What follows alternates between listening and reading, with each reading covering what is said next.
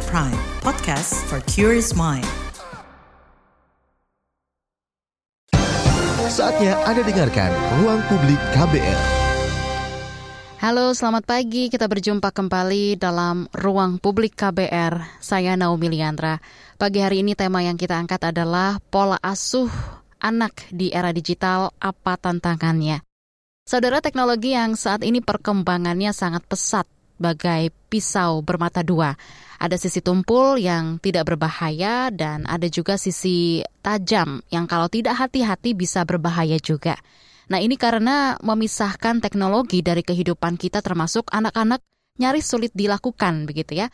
Dan hasil survei bertajuk Penetrasi dan Perilaku Internet 2023 yang dilakukan Asosiasi Penyelenggara Jasa Internet Indonesia APJIII, APJI, mengungkapkan berdasarkan usia pengguna, internet itu paling banyak digunakan oleh masyarakat berusia 13 hingga 18 tahun, yaitu mencapai 98 persen.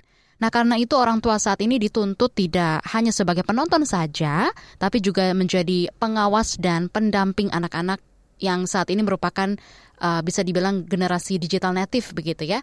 Nah, lalu bagaimana orang tua bisa memaksimalkan teknologi ini dalam pola pengasuhan dan apa saja tantangannya?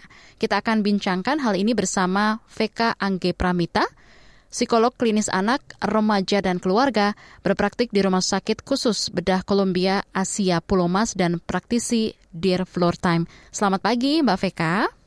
Selamat pagi Mbak Naomi. Terima kasih sudah hadir di ruang publik KBR pagi hari ini. Mbak Veka, tadi sempat disampaikan juga di awal begitu ya, tingkat penetrasi internet di Indonesia di 2023 ini mencapai 215,62 juta jiwa dari total populasi kita yaitu 275,77 juta jiwa penduduk Indonesia atau sekitar 78 persen. Nah, Mbak Veka, seperti apa Anda melihat besarnya penetrasi internet ini mempengaruhi pola asuh orang tua masa kini, Mbak? Hmm.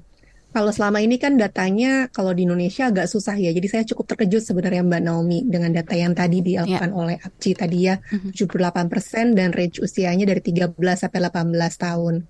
Uh, ini tuh memang berpengaruh sekali terhadap pola asuh orang tua gitu ya, sangat besar. Tapi kuncinya jika internet itu digunakan berlebihan. Mm -hmm. Jika internet itu tidak diatur, uh, dan juga jika tidak terjadwal nih atau tidak digunakan sesuai usianya dan tidak berada dalam pengawasan orang tua. Hmm. Nah, kalau tadi dari uh, hasil ABCI tadi kan 13 iya. sampai 18 tahun itu uh, dari masih di bawah pengawasan orang tua ya, Mbak hmm, ya. Jadi betul. memang uh, internet saat ini mengambil alih nih interaksi dan komunikasi dalam keluarga, hmm. pola pengasuhan orang tua dan juga uh, kalau orang tuanya uh, permisif atau misalkan tidak terlalu dominan dalam uh, uh, pengasuhan sehari-hari, hmm. uh, uh, maka dia akan semakin permisif, malah uh, anaknya yang semakin ngatur gitu ya, yeah. atau ya semakin tidak peduli bisa jadi, atau tidak bisa berbuat apa-apa. Nah itu tipe orang tua permisif, atau ya semakin orang otoriter kalau hmm. tipe orang tuanya otoriter gitu ya. Jadi intinya kalau orang tua tidak memahami mengenai si internet ini memang tadi ada banyak sekali uh, masalah yang akan dihadapi oleh anak-anak dan dalam keluarga nantinya Mbak Naomi. Jadi tipe orang tua permisif dan bentuk dominan orang tua itu juga sangat mempengaruhi begitu ya Mbak ya. Apalagi Betul. yang bahaya internet kalau nggak diatur sama penggunanya sendiri.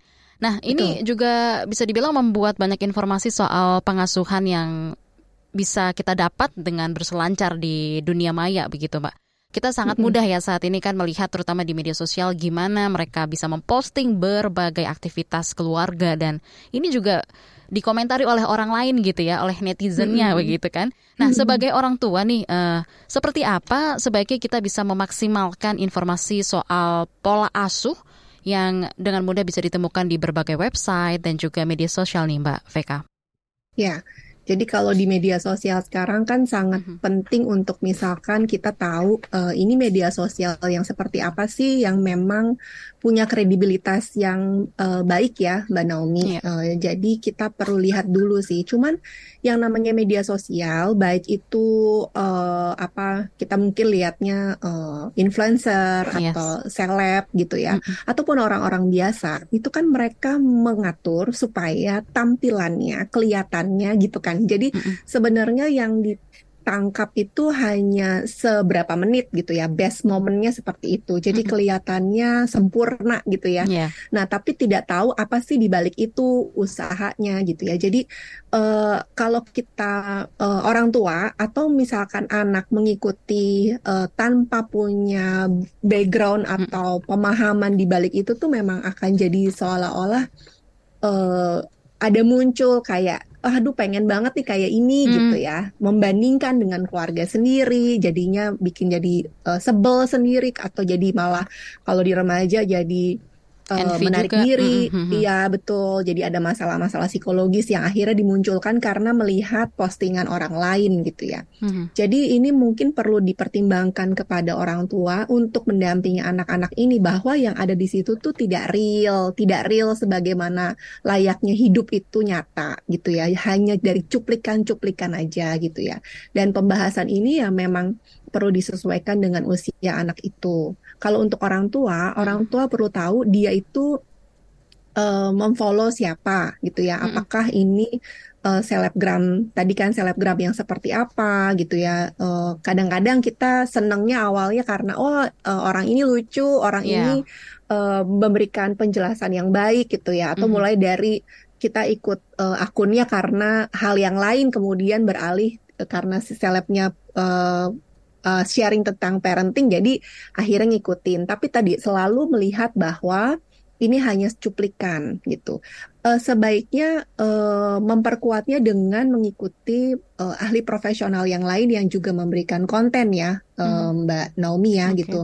Uh, memang uh, perlu dilihat uh, siapa nih misalkan dokter, psikolog atau psikiater gitu ya. Sekarang kan banyak ya atau betul, guru betul. yang memang punya uh, punya konten yang bisa dibagikan dan hmm. itu juga memang sesuai nih dengan nilai-nilai dari orang tua itu sendiri gitu Mbak Naomi. Tadi kan sempat Mbak Vega sampaikan begitu ya, kadang uh, anak itu melihat cuplikan-cuplikan yang membahagiakan saja, walaupun mereka juga sebenarnya nggak tahu aslinya tuh seperti apa begitu ya, kayak semacam yeah. pencitraan lah kalau di media sosial kan begitu. Nah tapi apakah sama sekali uh, yang posting momen-momen keluarga itu nggak boleh diposting atau ada batasan-batasannya nih Mbak Vega?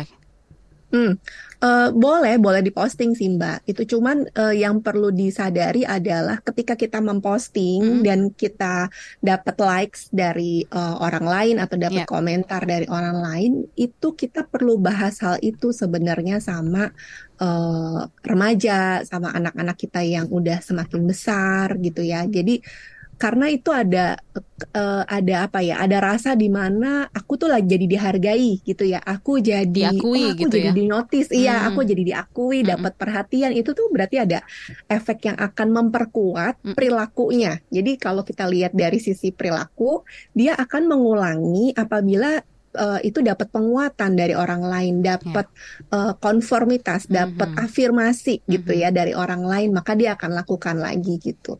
Nah, ini juga mesti uh, dibahas sebenarnya sama anak-anak. Jadi ketika anak-anak ini nge-like sesuatu yeah nggak uh, apa-apa sih sebenarnya nge-like atau dislike mm -hmm. uh, pada media sosial itu nggak apa-apa tapi uh, yang terpenting orang tua mesti lihat nih nantinya di historinya dia nge-like siapa dan kenapa gitu ya. Hmm. Nah, kalau untuk konten yang sifatnya komentar gitu, memberikan komentar, uh, kalau menurut saya anak-anak di bawah usia uh, eh, SMP hmm. itu uh, perlu diskusi dulu sama orang tuanya sebatas apa dia memberikan komentar gitu ya.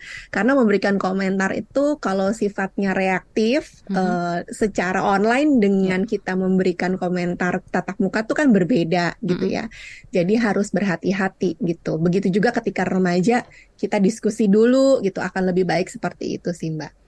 Tapi gimana kalau misalnya si anak ini nggak tipe yang terbuka gitu dengan orang tuanya, Mbak Veka?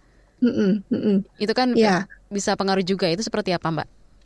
Hmm, jadi pendekatannya uh, memang orang tua yang uh, sharing tentang apa yang tadi ditonton sama anak. Hmm. Uh, saya menyarankan kepada orang tua selalu memberikan pengertian kepada anak bahwa uh, gawai yang dimiliki oleh anak, hmm. uh, gadget yang dimiliki yeah. oleh anak itu tidak 100% punya anak. Meskipun itu uangnya sudah diberikan kepada anak misalkan gitu ya. Entah itu anak dapat dari kakek neneknya atau dapat dari ketika acara-acara tertentu gitu. Tapi 100% itu bukan tanggung jawabnya anak dan kepemilikannya bukan 100% oleh anak, tapi masih di bawah orang tua gitu. Okay. Jadi memang orang tua masih tetap uh, bisa dan boleh untuk melihat. Punya otoritas Namun ya.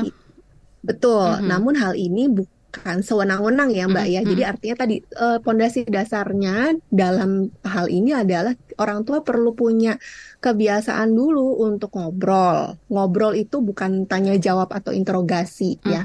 Ngobrol itu bukan hanya memberikan saran saja secara satu arah dari orang tua kepada anaknya gitu ya, tapi ngobrol itu ya harus dua arah. Artinya orang tua juga harus tahu kenapa anak itu suka, mm -hmm. memperbolehkan, memberikan ruang bahwa oh pendapat si anak didengarkan dulu nih gitu. Meskipun nanti kita memberikan saran, bukan berarti anak tuh nggak boleh suka lagi gitu hmm. ya. Jadi kan anak perlu dipahami dengan yeah. kita mendengarkan mereka mbak. Kalau kita hanya bilang ya pokoknya nggak boleh gitu. Nah yeah. itu kita sebenarnya menutup komunikasi dan anak nanti jadi bingung. Aku mau cerita hmm. lagi sama siapa gitu ya. Jadi uh, sebaiknya memang orang tua membuka komunikasi. Jadi akhirnya baik anak itu nanti uh, cukup terbuka dengan kita ataupun nggak terbuka, tapi karena kebiasaan itu sudah dilatih, sudah dibangun dari mhm. kecil, mm -hmm. maka uh, anak jadi uh, akan lebih nyaman sebenarnya yeah. kepada orang tuanya dibandingkan dengan orang lain sih mbak gitu.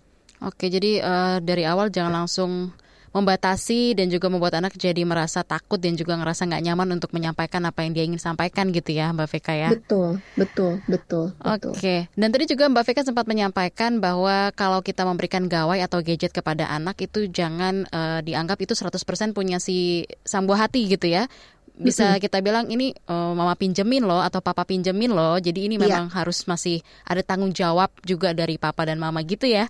Uh, betul, itu jadi betul. salah satu trik juga kali ya Mbak Veka ya. Iya. Oke. Okay. Iya. Nah, tapi ini nih Mbak berkaitan dengan uh, yang tadi aku sempat tanyakan juga karena gadget atau gawai ini juga jadi part of our life gitu ya, udah bagian dari hidup kita semua lah, mau dari anak-anak ataupun juga sampai orang dewasa. Apa sih sebenarnya hal pertama yang memang uh, harus dilakukan orang tua ketika mengenalkan atau memberikan uh, fasilitas gadget ini kepada sang anak, Mbak Veka? Oke. Uh, ini tergantung usia ya Mbak. Mm -hmm. Kalau dari uh, himbauan WHO dan Ikatan Dokter Anak Indonesia, anak di bawah 18 bulan atau 2 tahun itu tidak boleh sama sekali sebenarnya diberikan gawai atau gadget, yeah. baik berupa layar ya dalam bentuk apa pun mm -hmm. gitu. Jadi kalau mulai dari 2 tahun sampai besar gitu ya, itu harus diatur himbauannya sih satu hari itu hanya boleh satu jam himbauannya. Nah himbauan ini tuh bukan hanya sekedar himbauan karena himbauannya sudah berdasarkan banyak riset, banyak penelitian mengenai dampak gadget pada perkembangan anak ya. Yeah. Nah, sehingga di usia mulai dari dua tahun mm-hmm. ketika dibatasi itu perlu diatur oleh orang tua gitu ya. Kalau misalkan satu jam itu ya udah satu jam aja. Mm-hmm. Habis itu sih anak-anak ini perlu ada kegiatan lain gitu loh Mbak. Antara bermain bebas, yeah. main sama teman, mm-hmm. main sama orang tuanya, main di luar gitu ya. Jadi kenapa penggunaan gadget itu memang mesti bukan hal yang utama ya, bukan yang ketika pulang sekolah terus dia langsung buka gitu hmm. si gadgetnya sampai malam hari sampai orang tuanya pulang gitu, bukan kayak gitu gitu ya. Jadi itu tidak tidak diatur dan tidak dibatasi. Lalu kalau misalkan ada aplikasi, kalau di HP kan berarti yeah. aplikasi game gitu ya. Nah itu perlu dibatasi juga gitu. Hmm. Kalau hmm. misalkan 2 sampai lima tahun itu uh, kalau 2 sampai tiga tahun ya kita yang mengatur ya. Begitu juga yeah. kalau penggunaan dengan YouTube berarti kan kita ngarahnya ke YouTube anak, kita atur supaya misalkan Baik. tidak langsung uh, free apa tidak langsung otomatis misalkan Baik. gitu ya. Atau kalau misalkan uh, ininya diatur jadi otomatis dia tinggal klik-klik ya berarti kita remove semua historinya. Hmm. Itu tuh ada cara-caranya sebenarnya sih Mbak gitu. Baik. Nah, kalau untuk remaja hmm. edukasi apa yang boleh dan tidak boleh berkaitan dengan konten konten, website, pornografi, kekerasan, mentertawakan hal yang lucu, atau kalau ada yang viral ya, tuh ya harus didampingi dan dibahas bersama-sama dengan anak gitu Mbak. Oke, baik Mbak Veka. Nanti kita akan kembali lanjutkan apa saja uh, yang juga menjadi concern sebagai orang tua untuk uh, bisa memberikan uh, pengetahuan kepada anak-anaknya tentunya di era digital seperti saat ini ya. Tetaplah bersama kami di Ruang Publik. Masih Anda dengarkan Ruang Publik KBR. Commercial break. Commercial break.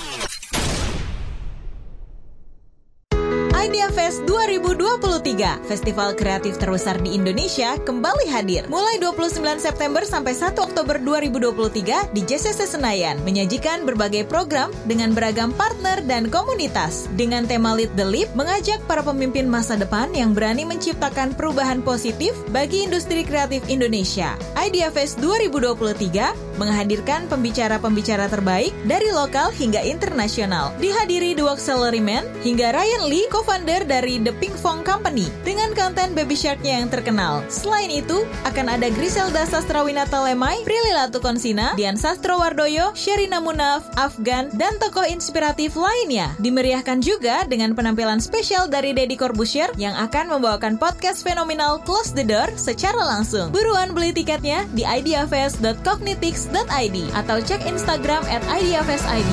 Ideafest 2023, Lead the Leap. Masih Anda dengarkan Ruang Publik KBR. Pola asuh anak di era digital, apa tantangannya bersama dengan narasumber kita Mbak Veka.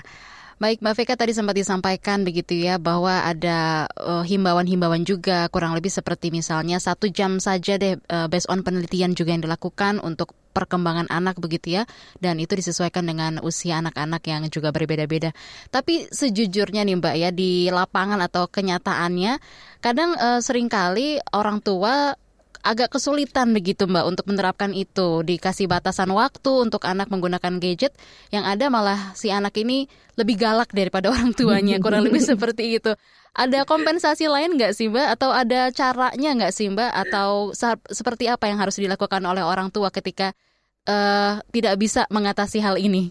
Silakan nah, Mbak Veka. Betul. Jadi memang itu nan akhirnya yang membuat tadi uh, orang tua menjadi semakin permisif gitu ya, mm -hmm. semakin waduh digalakin nih sama anak atau aduh daripada nanti saya nantinya melakukan kekerasan ya udah deh biarin aja gitu misalkan mm -hmm. gitu ya. Atau ini juga bisa terjadi ketika uh, anak di bawah asuhan kakek nenek orang tua bekerja gitu ya. Yeah. Jadi uh, sebenarnya kalau udah anak tantrum, mm -hmm. jadi marah-marah gitu ya, atau jadi nggak mau mengerjakan tugasnya gitu gitu. Terus misalkan eh, tugas-tugas uh, di sekolah nggak selesai, nilai jelek, kalau anak yang lebih kecil selain tantrum ada masalah bicara yang uh, belum sempurna, belum muncul okay. dan belum lancar, hiperaktif, makan sambil nonton, mm -hmm. itu sebenarnya indikasi di mana sebaiknya sudah bertemu dengan profesional gitu ya, misalkan ke dokter, dokter spesialis anak atau psikolog gitu. Karena ini memang udah masalah perilaku dan emosi, mm -hmm. larinya ke arah emosi sih Mbak. Karena okay. tadi ini sesuatu hal yang menyenangkan, bisa top tiba-tiba mm -hmm. gitu ya.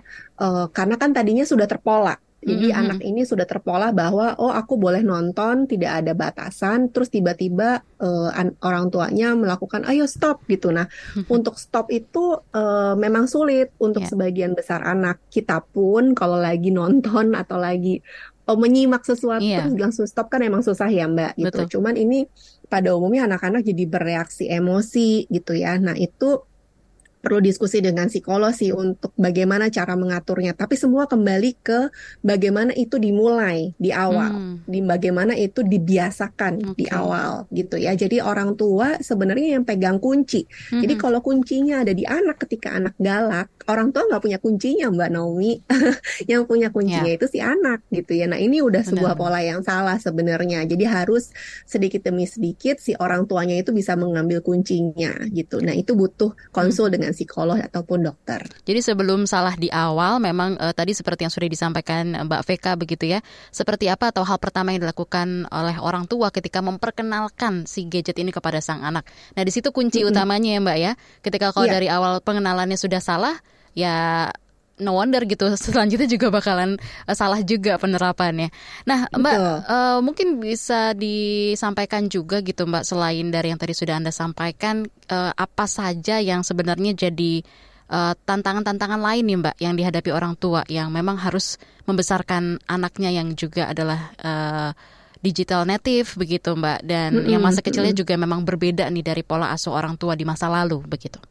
Jadi tantangan kita ya yeah. dalam menghadapi anak-anak yang digital native ini, uh, yang terutama sih menurut saya orang tua harus belajar mm. uh, bagaimana cara mengatasinya. Ini benda ini apa sih, internet ini apa gitu ya. Mm. Tadi harus melek informasi uh, bisa coba tarik tahu sendiri dan kita bisa menggunakan si browser atau si internet itu kan untuk mm -hmm. sekedar mengetik misalkan aplikasi pengawasan HP anak gitu. Tadi saya coba tuh yeah. muncul tuh beberapa okay. rekomendasi gitu ya. Uh -uh. Jadi itu perlu juga dilakukan uh, atau juga bisa uh, tanya dengan sesama hmm. orang tua lain atau guru atau seseorang yang memang ahli gitu ya hmm. uh, di dunia uh, apa namanya internet hmm. ataupun yang bapak ibu kenal tentang orang-orang uh, yang paham tentang cyber psychology, cyber crime okay. itu yang udah lebih spesifik lagi ya. Cuman memang kita mengenali uh, sama seperti kita mengenali aplikasi-aplikasi yang ada, kita perlu tahu ini aplikasi pengawasan ini bentuknya seperti apa, keberhasilannya bagaimana gitu ya. Tapi hmm. kan mereka semua adalah peralatan tools. Hmm. Tapi kita sebenarnya kan yang mengatur, kita yang perlu mengevaluasi. Dan kalau anaknya sudah semakin besar, yeah. Ya. uh, kuncinya mulai dari SD itu mereka sudah bisa diajak bicara. Hmm. Apa sih dampaknya ketika kamu nonton terlalu banyak tuh dampaknya apa? Okay. Kamu jadi apa? Tugas kamu jadi nggak selesai, kamu jadi nah itu hmm. mesti memang secara ber berkala dilakukan evaluasi seperti itu diajak bicara bersama-sama hmm. bahwa itu tuh satu hal yang uh, kurang tepat dan perlu ada perbaikan gitu hmm. ya atau ada kesepakatan yang dilakukan bersama dengan si anaknya atau si remajanya ketika kesepakatan itu tidak dilakukan oleh si remaja berarti kan tidak tepat nih. Nah, itu harus diajak bicara bersama-sama. Kenapa kamu uh, masih curi-curi nonton, misalkan? -hmm. Apakah mungkin kurang? Jadi tanyakan apakah mau ditambah tapi kamu konsisten cuman hmm. mama cuman sampai kasih batasan segini nih gitu ya hmm. hmm. jadi kalau boleh boleh dikasih tapi asal dia konsisten jadi kita perlu menghargai anak juga kalau dia berusaha yeah. tapi kalau misalkan dia melakukan hal itu di luar konsisten ya perlu ada tindakan-tindakan yang kalau saya bilang ekstrim. -hmm. Ekstrimnya tuh kalau da tadi dari masalah perilaku adalah yeah nggak uh, bisa di stop adalah si misalkan HP-nya diambil, hmm. uh, WiFi-nya dicabut, passwordnya diganti. Jadi akses untuk masuk ke situ ya tidak ada sama sekali. Dan si anak ini diajak untuk melakukan kegiatan yang lain. Karena ketika anak hmm. sudah terbiasa dengan internet, hmm. maka dia itu kesulitan sebenarnya. Aku ngapain ya? Aku Candu boring. soalnya ya. Betul sekali Mbak, memang uh -huh. sudah candu yang kalau kayak gitu ya. Uh -huh. Jadi uh, itu memang perlu dibantu. Jadi bukan berarti uh -huh. nanti akhirnya udah main aja. Nah sering kali anak-anak ini udah iya uh, sih, in insting untuk mainnya tuh udah nggak terbentuk karena dia terbiasa uh -huh. sama si screen itu. Gitu. Oke, lalu Mbak Veka apa sebenarnya yang uh, jadi keuntungan bagi anak-anak yang lahir di masa digital seperti saat ini Mbak?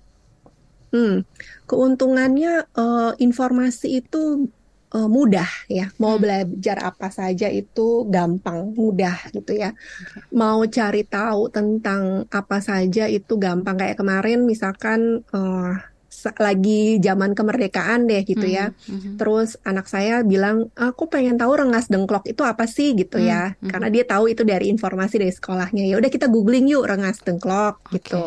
Tapi googling itu kan yang ditangkap informasi. Jadi kognitif yang dapat nih Mbak. Mm -hmm. Hanya lihat secara visual dan auditori aja. Mm -hmm. Tapi nggak ada experience-nya, nggak ada pengalamannya. Nah, sementara cara mm -hmm. belajar anak dan cara kerja otak itu perlu experience, perlu pengalaman gitu. Mm -hmm. Jadi nggak bisa kayak cuma teori doang. Jadi saya ngajak mereka ke museum, mm -hmm. ya, ke museum penulisan proklamasi, museum nasional, ke taman proklamasi. Jadi ya. hal-hal yeah. yang sama nih temanya. Kalau ada waktu ya udah kita ke Rengas Dengklok yuk penasaran nih bentuknya kayak gimana sih gitu jadi pengalaman itu mm-hmm. memunculkan memori yang kuat nah okay. memori yang kuat itu anak jadi inget ya beda sama hafalan sebenarnya jadi ya. si internet itu jadi hafalan bisa banget mm-hmm. tapi ya udah lupa gitu mm-hmm. Jadi cuma sampai di situ saja ya. Jadi memang harus mengalami uh, sendiri gitu ya pengalaman yang juga menyenangkan buat si sang buah hati. Nah, uh, selanjutnya nih Mbak Veka, ada juga uh, beberapa aplikasi gitu ya untuk mengawasi uh, aktivitas anak di dunia maya. Jujurnya saya juga punya gitu ya Mbak Vika. Mm-hmm. Tapi seperti apa sih Anda melihat uh, perlunya pemaksimalan aplikasi-aplikasi seperti itu Mbak? Iya, uh, aplikasi itu sangat uh, diperlukan ya mm -hmm. uh, karena itu bisa membantu kita. Tapi tadi yes. uh, aplikasi yang dipilih perlu dilihat apakah cocok atau enggak gitu ya. Uh, kalau menurut saya aplikasi itu bisa di bisa dilakukan mm -hmm. uh, apabila orang tua tidak bisa terlalu banyak bersama dengan anak. Yeah. Jadi misalkan anaknya sudah semakin besar gitu ya, atau tidak ada orang di rumah yang bisa uh, jadi bukan polisi ya, jadi hmm. pengingat aja ya udah selesai yeah. nih gitu ya hmm. gitu. Atau jadi kita bisa menggunakan uh, apa aplikasi yang ada di HP itu secara berkala, misalkan ada alarm hmm. atau yang dia tiba-tiba mati sendiri kalau misalkan udah lebih dari satu jam gitu kan. Okay. Tapi memang ini tuh butuh intinya sih kalau menurut saya anak-anak itu memang masih butuh diarahkan untuk oke okay, kalau uh, kegiatan ini udah selesai, kamu bisa ada pilihan kegiatan lain loh gitu loh Mbak. Nah, itu mm -hmm. terus uh, pilihan mengarahkan ke arah sana kalau tidak didampingi uh, itu agak sulit gitu. Mm -hmm. Jadi akhirnya kenapa mereka terbiasa uh, kita orang dewasa atau orang tua sebenarnya akan lebih ayem, mm -hmm. senang kalau mm -hmm. anak tuh tenang anak iya. tuh kayak diem gitu kan tapi tantrum kalau, gitu ya nah gitu kalau iya. bikin iya. berantakan di rumah pusing gitu kan ya kalau bikin macam-macam pusing gitu padahal itu cara mereka iya. untuk berkreasi gitu ya jadi iya sebenarnya kalau uh, jadi harus ada kegiatan uh, pembedanya nih gitu. Mm -hmm. Memberikan banyak kegiatan di luar rumah itu baik juga, mm -hmm. tapi jangan terlalu banyak. Maksudnya jangan sampai setiap hari ada les terus ya itu yeah. juga nggak sehat ya. Jadi pikirkan juga bahwa uh, uh, selalu tanya ke hmm. anak itu manfaatnya gimana, kegiatannya kamu yang kamu lakukan tuh menimbulkan perasaan apa hmm. gitu kan. Itu bangun bangun uh, cara kita membangun interaksi dan komunikasi sebenarnya di luar dari uh, kita sebagai orang tua bertanya tentang hal-hal yang itu-itu aja gitu ya. Hmm. Karena kan kita pasti punya ke kewajiban untuk yeah. bekerja ya Mbak. Jadi kita nggak mungkin mengawasi. Nah itu kita memang harus jelaskan semua situasi itu kepada anak. Tapi uh -huh. anak dengan bertahap usia, yeah. mereka punya kemampuan yang juga bertahap. Jadi jangan mm-hmm. harapkan anak udah langsung bisa instan gitu ya. Mm-hmm. Betul, ada aturan yang diberikan bisa. Oh, kalau ada aturan yeah. harusnya kamu bisa dong. Terlalu gitu. menuntut nah, begitu ya. Iya. Betul. Memang itu kerjanya kita orang Betul. tua untuk mendampingi. Pendampingan orang tua itu Betul, harus selalu ada. Jadi Baik. kita harus siap dengan hal itu, Mbak. Jadi memang kuncinya peran aktif uh, pendampingan kita juga sebagai orang tua dan tentunya dalam mengasuh anak gitu ya. Kita nggak bisa pasif juga uh, pasif juga aja gitu kan. Kalau mm -hmm. anak itu otodidak atau bisa belajar sendiri atau kita juga terlalu menyerahkan pengasuhan pada orang lain, mungkin juga kepada kakek neneknya ataupun juga guru dan juga pengasuh. Nanti kita akan lanjutkan yeah. kembali Mbak Veka perbincangan pagi hari ini dan untuk Anda pendengar yang sudah mengirimkan uh, WhatsApp dan juga komentar di channel YouTube akan kami bacakan setelah pesan-pesan berikut ini. Masih Anda dengarkan Ruang Publik KBR. Yuk follow social media KBR. Twitter at Berita KBR, Instagram at KBR.id, Youtube Berita KBR. Masih Anda dengarkan Ruang Publik KBR. Terima kasih Anda masih menyimak ruang publik KBR. Kita masih berbincang dengan psikolog klinis anak, remaja, dan keluarga Mbak Veka Anggi Pramita. Mbak Veka, kita sebelum lanjut lagi bincang-bincangnya kita akan bacakan beberapa WhatsApp dan juga komentar di channel YouTube KBR yang sudah masuk pagi hari ini. Oke, kita baca dulu pertama dari WhatsApp yang sudah masuk. Krukut Depok ada Pak Angga Saputra. Bagaimanakah sikap orang tua kalau anaknya nggak mau diawasi saat bermain internet di gadget maupun di laptop? Apalagi kan anak remaja tentu bisa dong kalau mereka melawan. Bagaimanakah sikap orang tua kalau seorang anak merasa risih kalau dipantau saat bermain gadget atau maupun laptop? Satu dulu, kemudian lanjut e, dari Jogja ada Pak Hanif. Apakah anak perlu sekali-sekali dihapus total nggak boleh pegang gadget. Apakah ini boleh dilakukan sebagai hukuman? Silakan Mbak Veka ditanggapi dulu. Baik. Jadi kalau anak remaja risih uh, itu bagian dari mereka udah tahu privacy ya Pak gitu. Hmm. Uh, kita respect hal itu nggak apa-apa, tapi Bapak kasih uh, rambu-rambunya gitu ya. Uh, boleh privacy tapi tidak yang berhubungan dengan gitu tadi kan pornografi mm -hmm. misalkan uh, kekerasan pokoknya value-value nilai-nilai keluarga bapak yang ya. nggak yeah. sesuai mm -hmm. jadi di, uh, diajak diskusi gitu ya mm -hmm uh, dan tanamkan bahwa Bapak menghargai privasi remaja, tapi remaja tetap ada di tanggung jawabnya Bapak. Jadi uh, mengecek itu bukan berarti tidak menghormati privasi, hmm. tapi untuk melihat apakah anak-anak memahami rambu-rambunya itu sesuai atau enggak, okay. gitu. Bukan berarti nggak percaya juga, gitu ya. Jadi tadi kembali lagi bangun komunikasi, hmm. ajak remajanya misalkan uh, makan makan deh pak gitu ya makanan kesukaannya si remajanya ya, ya betul. Jadi habis itu diajak ngobrol gitu kan. Karena kan zamannya memang berbeda. Ada hal yang bapak nggak pahamin. Tapi yang terpenting adalah ketika bapak berusaha memahami apa sih yang membuat dia tuh nongkrong terus di depan laptop okay. matanya di depan HP terus terusan gitu ya. Apa sih nikmatnya gitu ya. Sementara bapak sukanya mancing gitu kan. Nah, itu pertukaran experience yeah. itu yang menjadi dasar untuk kita berinteraksi dan berkomunikasi dengan anak. Jadi kalau kita sering dengar bahwa ada gap yang sangat besar nih mm -hmm. gitu ya mm -hmm. antara orang tua dan anak. Yeah. Memang betul karena zamannya juga berbeda ya gitu. Tapi ada usaha untuk uh, membangun jembatan itu dan usaha itu harus dimulai dari orang tua atau orang dewasa di sekitar anak, nggak mungkin dari si anak ya. Yep. Karena tugasnya kita orang tua adalah memahami si anak dan nanti anaknya juga bisa memahami orang tua. Jadi bukan sebaliknya. Hmm. Yang duluan itu harus orang tuanya ataupun orang dewasanya ke anaknya, baru anak bisa memahami gitu. Oke. Okay. Lalu tadi pertanyaan kedua apa ya Mbak ya tadi? Pertanyaan kedua tadi dari Pak Hanif di Jogja, apakah anak perlu sekali-sekali uh, oh, boleh atau dihapus total pegang gadget? Uh -uh. Ini bisa ya, dilakukan betul. sebagai hukuman nggak gitu? Pertanyaannya. Iya, Uh, bisa, bisa Pak. Tapi yang namanya hukuman itu akan lebih baik kalau Bapak sampaikan itu di awal. Kalau di uh, uh, kalau di saat kejadian gitu ya, hmm. atau ketika Bapak nggak bisa kontrol anaknya hmm. terus langsung cabut aja. Nah itu sebenarnya nggak fair sih kalau yeah. dalam ini sebuah permainan tuh permainan kan aturannya di depan duluan hmm. gitu ya. Uh, jadi selalu sampaikan bahwa aturannya begini gitu ya. Kalau kamu sembunyi-sembunyi itu artinya apa? Kamu tidak menghargai kesepakatan kita. Istilahnya balikin lagi ke eh, nilai-nilai uh, yang uh, Bapak kenalkan atau mm-hmm. sekolah kenalkan gitu ya. Saling menghormati gitu ya atau yep. kalau saya sampaikan ke anak saya men, men, mencuri waktu itu sama seperti mencuri sebenarnya nggak ada bedanya gitu ya. Okay. Jadi kamu apakah kamu pencuri? gitu hmm, kan. Mm-hmm. Bukan kan? Jadi jangan lakukan itu. Kalau kamu butuh bilang aja gitu ya. Jadi kita berdiskusi. Jadi uh, dia butuh main, dia butuh nonton. Kalau di luar dari waktunya dia tuh harus negosiasi atau berdiskusi dengan kita hmm, gitu, Pak, mm-hmm. ya.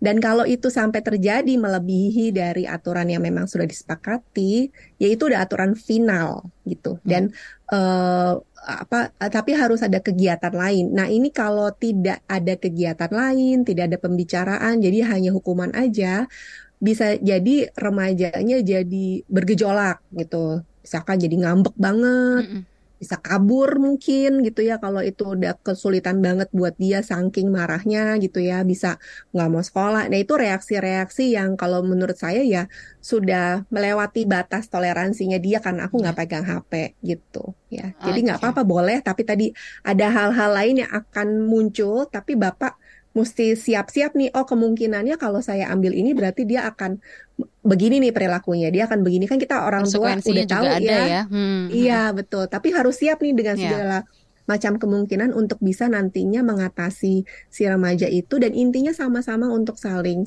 berkomunikasi berinteraksi dengan cara yang sehat gitu penting bangun komunikasi dengan anak ya dengan cara yang cantik gitu diajak makan Betul. makanan kesukaan si anak juga bisa. Oke lanjut iya. lagi nih Mbak Veka dari Tangerang Selatan ada Ibu Susan. Tadi Mbak Veka mengatakan ada bentuk-bentuk emosi yang anak tunjukkan kalau dilarang main gawai. Bisa dijelaskan hmm. lebih detail Mbak mana yang masih bisa diatasi orang tua, mana yang harus dikonsultasi sama psikolog. Kalau nggak diatasi, yeah. bisa berbahaya nggak buat anak waktu dewasa? Oke, uh, jadi sebenarnya tampilannya sama ibu. Misalkan anaknya tantrum, tantrum hmm. itu hanya uh, istilah yang sebenarnya hanya bisa disematkan untuk anak-anak yang kecil ya, paling nggak di bawah lima tahun. Kalau anak remaja, anak sekolah nggak bisa dibilang tantrum gitu ya. Hmm. ya kita bilangnya ngamuk atau ngambek gitu ya.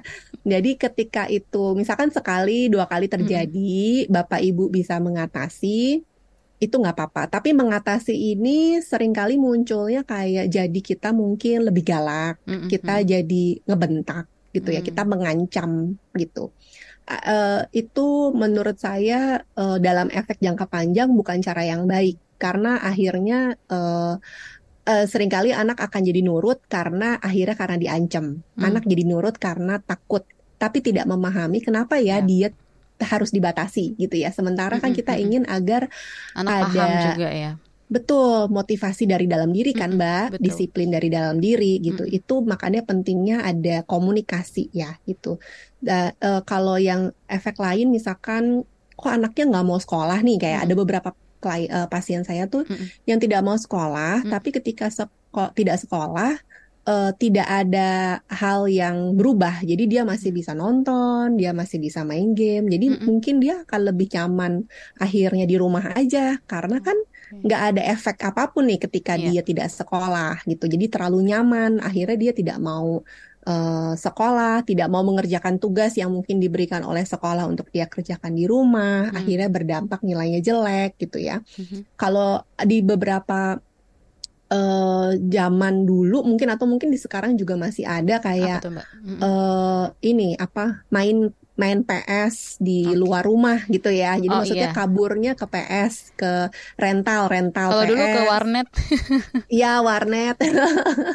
Mungkin di beberapa tempat masih ada iya. ya, Mbak ya gitu. Ada sih. Nah, ini Nah, ini tuh agak susah karena uh, itu kan di tempat lain yeah. gitu ya. Jadi mm -hmm. di tempat lain. Jadi memang agak susah juga untuk kita jangkau juga uh, orang tua mm. jangkau gitu. Mm. Jadi memang anaknya yang istilahnya mesti dipepet terus nih didampingin tapi dengan aktivitas kegiatan yang lain. Bukan dengan dimarahin bukan mm -hmm. dihukum aja gitu ya.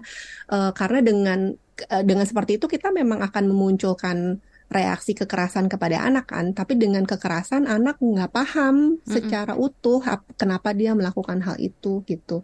Dan yang selanjutnya adalah ketika orang tua udah ngerasa kesulitan gitu okay. bahwa aduh kok ini caranya begini-begini kok nggak berubah-berubah ya gitu. Nah hmm. itu orang tua butuh konsul. Konsul ke psikolog itu bukan hal yang uh, bapak ibu kebayangkan ekstrim ya gitu karena kami sering kali hanya uh, ngobrol mm -hmm. gitu ya. Oh mungkin menyampaikan cara-cara yang oh Bapak Ibu caranya sudah tepat tapi belum konsisten. Kita akan lihat kenapa belum konsisten. Mungkin ada hal-hal uh, lain nih yang perlu disoroti, yang perlu ditindaklanjuti gitu ya. Jadi nggak apa-apa untuk konsul ke psikolog-psikolognya ya gitu. Terus tadi pertanyaannya satu lagi apa? Oh, dampak uh, jangka panjang ya, Mbak? Betul. Eh, dampak nah. jangka panjang seperti apa kalau pas nanti mereka sudah dewasa? Sudah dewasa. Uh, ya udah masuk ke gangguan uh, adiksi pada media sosial gitu ya. Itu memang belum masuk ke gangguan resmi pada uh, DSM-5 sebagai patokan kami untuk melihat apakah sebuah perilaku itu menjadi hmm. gangguan gitu ya. Tapi itu okay. udah jadi masalah yang pelik kan ketika yeah. anaknya nggak mau makan, nggak mau mandi, nggak mau tidur gitu ya, hmm. berdampak hmm. buruk sekali dalam perkembangan fisik yeah. gitu ya. Tapi secara utuh sebenarnya dampak gawai ini ada di perkembangan otak Mbak hmm. Naomi bukan hanya di mata ya tapi perkembangan otak untuk anak-anak. Iya. Tapi tadi uh, kalau Mbak Veka bicara soal kekerasan begitu ya kalau kita -hmm. kasih hukuman gitu kepada si anak gitu kan uh, ini kan orang tua kepada anak tapi bagaimana -hmm. dengan anak-anak yang melakukan kekerasan pada orang tua mungkin hmm. juga kepada temannya atau bahkan guru. Banyak sekali berita saat ini yang sering terjadi dan juga sering saya baca juga gitu ya miris banget. Hmm. Murid uh, apa bahasanya uh, ngebully gurunya begitu ya, kunci ya, motornya ya. disimpan ya. supaya gurunya merasa nggak nyaman lah seperti itu. Apakah ini memang hmm. sedikit banyak ada kaitannya nih Mbak dengan pola asuh saat ini Mbak Veka? Hmm, bisa jadi karena pengaruh dari uh, internet ya, uh, Mbak Naomi. Jadi mungkin prank-prank yang tadi kan dianggap lucu, -hmm. tapi sebenarnya uh, ini nggak lucu gitu kan. Tapi yeah. karena kita ngelihat dari orang lain, oh dia mau meniru nih. Nah, anak-anak ini kan tadi kan 13 sampai mm -hmm. 18 tahun apalagi SMP, Mbak gitu ya. Yes, iya itu fase meniru banget gitu dan mereka mau coba terapkan hal itu gitu. Jadi uh, harus di banyak banyak uh, kalau kita bicara pendidikan mm -hmm. uh, pendidikan hanya di sekolah saja tuh memang berat. Artinya yeah. materi pendidikan aja itu nggak mungkin uh, gurunya lakukan semua. Jadi hmm, memang perlu ada kerjasama antara guru dan orang tua. Nah, apalagi ini pendidikan yang berhubungan dengan karakter, yeah. emosi, gitu ya.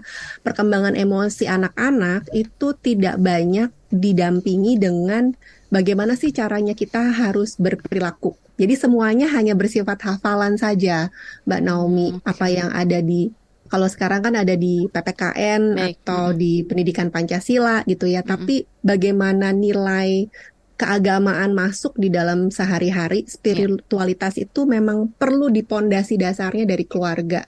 Okay. Jadi ketika orang tua membangun interaksi dulu, uh, mendengarkan anak, sama-sama saling uh, berkomunikasi saling uh, menghormati dengan hmm. cara-cara hmm. yang baik. Kalau ada konflik, ada rekonsiliasi yeah. di antara anak dan si orang tuanya gitu ya. Nah, itu adalah pondasi dasar untuk akhirnya value-value yang yang lain bisa masuk sebenarnya gitu. Baik, Mbak Veka, nanti kita lanjutkan kembali oh, lebih lengkapnya lagi tentunya juga untuk Anda pendengar sebagai orang tua juga mungkin ada yang mau dikonsultasikan atau ditanyakan langsung kepada Mbak Veka mengenai topik kita pada hari ini pola asuh anak di era digital.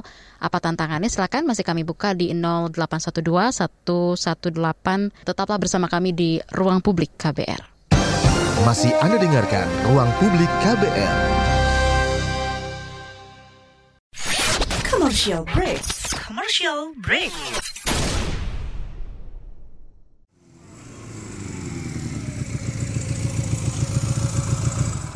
BC paket. Yuhu, paket buletin pagi aku udah datang. Isinya lengkap banget. Ada berita-berita menarik dari berita politik, ekonomi, sosial budaya, sampai berita olahraga. Penasaran isi selengkapnya? Dengerin aja di kbrprime.id. Search Buletin Pagi. Masih Anda dengarkan Ruang Publik KBR. Kita sudah berada di siaran akhir ruang publik KBR pagi hari ini dengan temanya pola asuh anak di era digital apa tantangannya bersama dengan Mbak Veka, psikolog klinis anak remaja dan juga keluarga.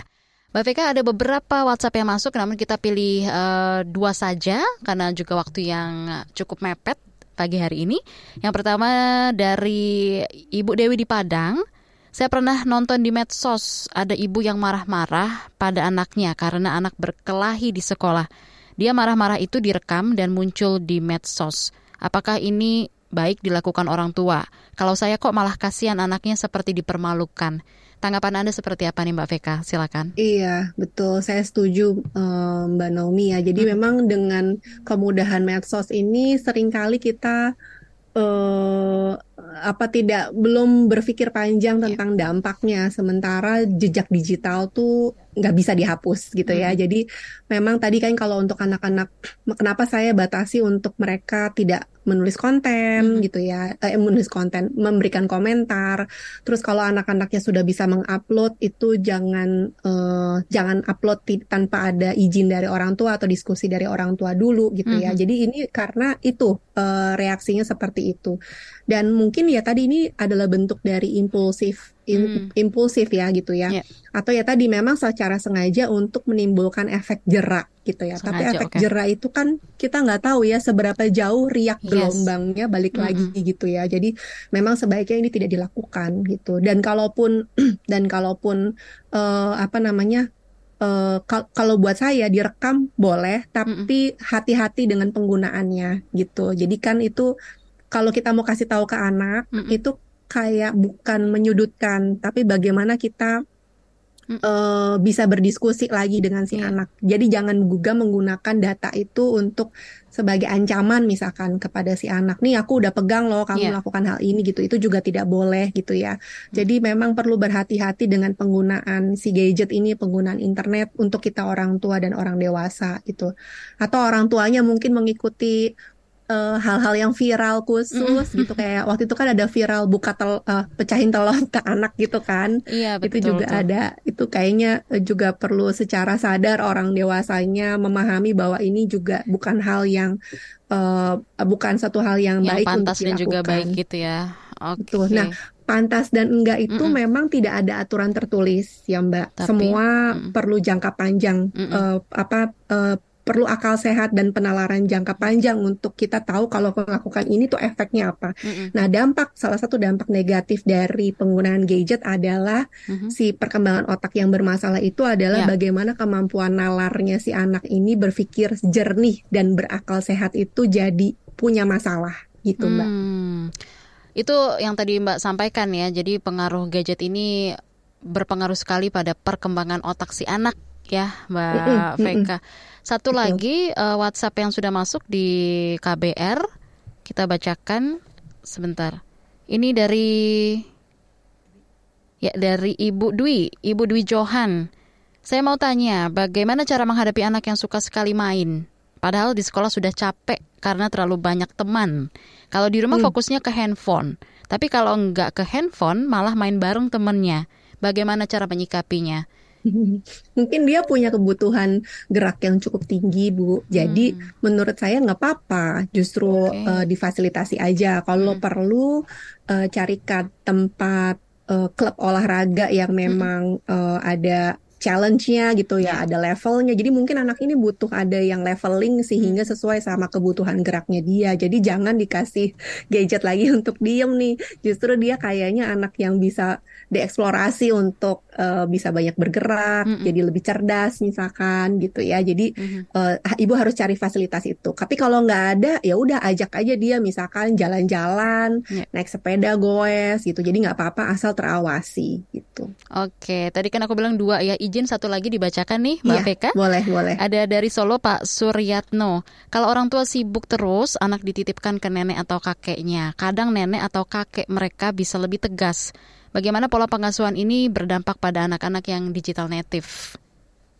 Oke, okay lebih tegas itu dalam arti kalau positif, mm -hmm. uh, jadinya akhirnya lebih banyak mereka mungkin akan mendengarkan kakek nenek dibandingkan mendengarkan orang tuanya, yeah. gitu ya. Mm -hmm. Sementara kan orang uh, anak itu adalah tanggung jawab orang tua, bukan tanggung jawab kakek nenek sih menurut saya. Kakek nenek boleh mendampingi, tapi secara uh, energi, mm -hmm. secara badan gitu ya, itu mereka sudah tidak punya banyak kapasitas sebenarnya untuk mendampingi gitu ya atau yang permisif sekalian ya mm -hmm. nenek kakeknya ngasih semuanya ngasih gitu ya jadi akhirnya si Cucu anaknya kesayangan. enggak oh iya betul jadi orang tuanya nggak didengerin gitu ya nah nggak boleh marah malah orang tuanya sama anaknya nah betul jadi itu juga jadi masalah tersendiri yeah. gitu ya jadi memang sebaiknya kuncinya balik lagi ke orang tua hmm. kalaupun ada tuh eh, gimana ya jadi kita untuk kita supaya anak tuh jadi mau ngikutin mm -hmm. apa yang kita harapkan kuncinya bukan kita jadi galak, tapi kita berkomunikasi, kita dengarkan, dan kita memang tulus benar-benar pahamin gitu ya Mbak Naomi mm -hmm. apa yang menjadi uh, pikiran, keinginan, sudut pandang mereka yeah. gitu, bukan karena oh ya aku orang tua, udahlah kamu harus ngikutin aku aja, nggak gitu caranya gitu ya. Jadi orang tua dan anak tuh membangun relasi gitu, uh, membangun relasi itu mesti setara, mesti saling yeah. gitu ya, itu penekanannya sih Mbak.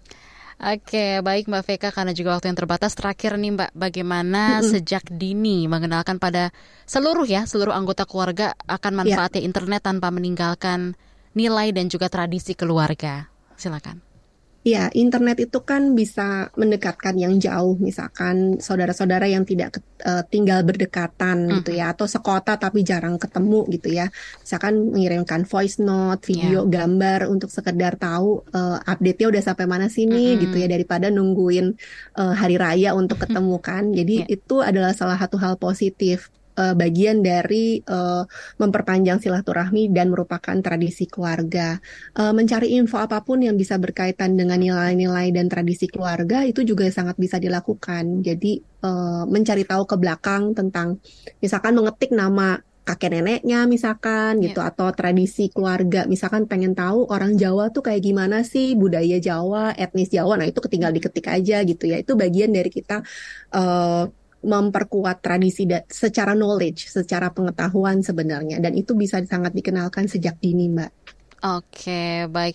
Yang penting tadi juga kuncinya dari Mbak Veka adalah uh, bangun relasi komunikasi dengan pahami juga keinginan sudut pandang si anak ini ya, Mbak Veka itu juga penting dari orang tua.